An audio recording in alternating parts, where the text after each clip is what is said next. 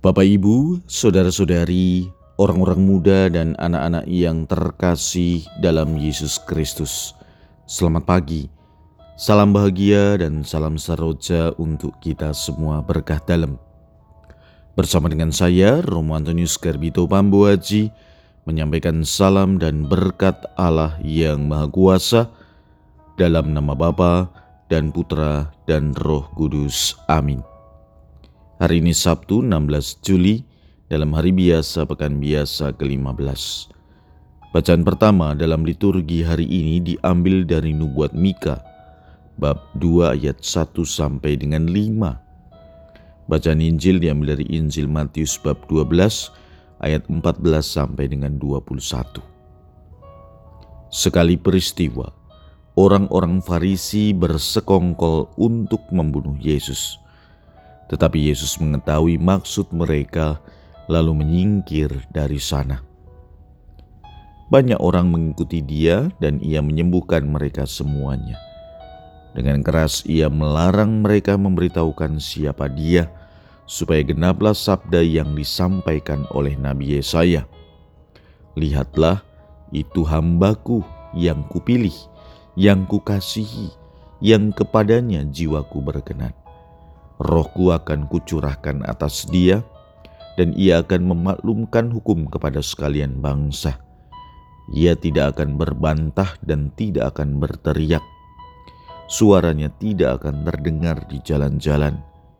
Buluh yang patah terkulai tidak akan diputuskannya, dan sumbu yang pudar nyalanya tidak akan dipadamkannya, sampai ia menjadikan hukum itu menang.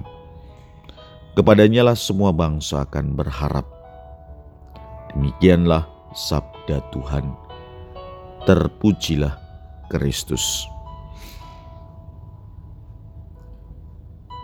Meskipun Yesus melakukan pekerjaan-pekerjaan baik, ada saja orang yang tidak menyukai kehadirannya.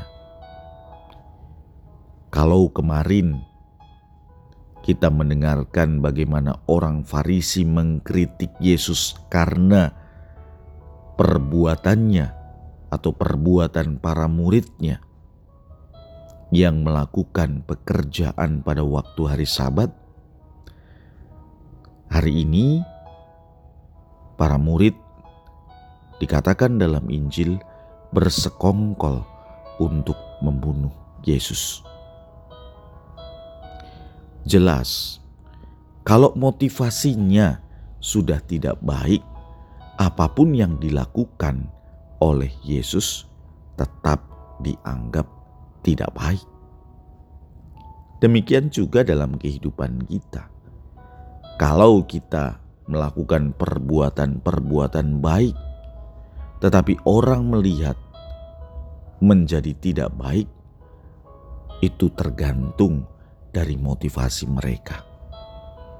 Atau demikian juga dengan kita. Kalau ada orang melakukan perbuatan baik tetapi motivasi kita sudah tidak baik, apa pun yang ia lakukan, kita akan memandangnya tidak baik atau negatif. Sabda Tuhan hari ini mengajarkan kepada kita bagaimana Yesus bereaksi atas apa yang dilakukan oleh orang Farisi. Yesus mengajarkan cinta kasih, bahwa kebencian tidak perlu dibalas dengan kebencian. Ia, meskipun dibenci, tetap fokus pada misi perutusan yang diembannya dari Bapaknya.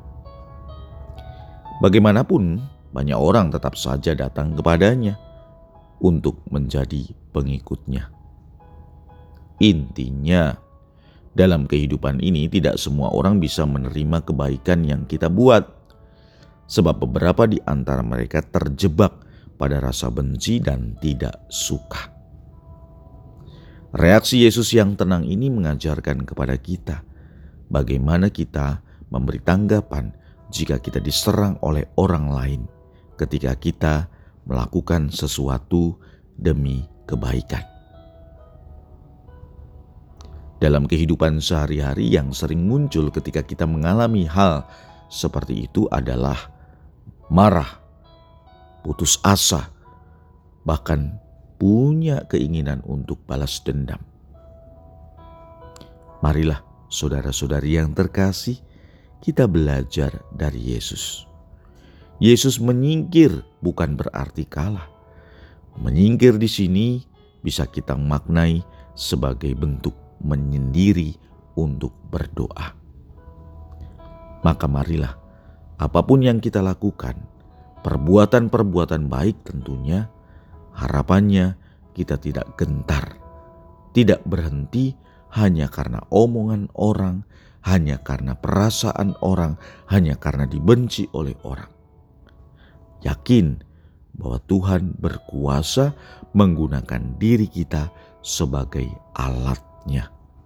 Marilah kita berdoa.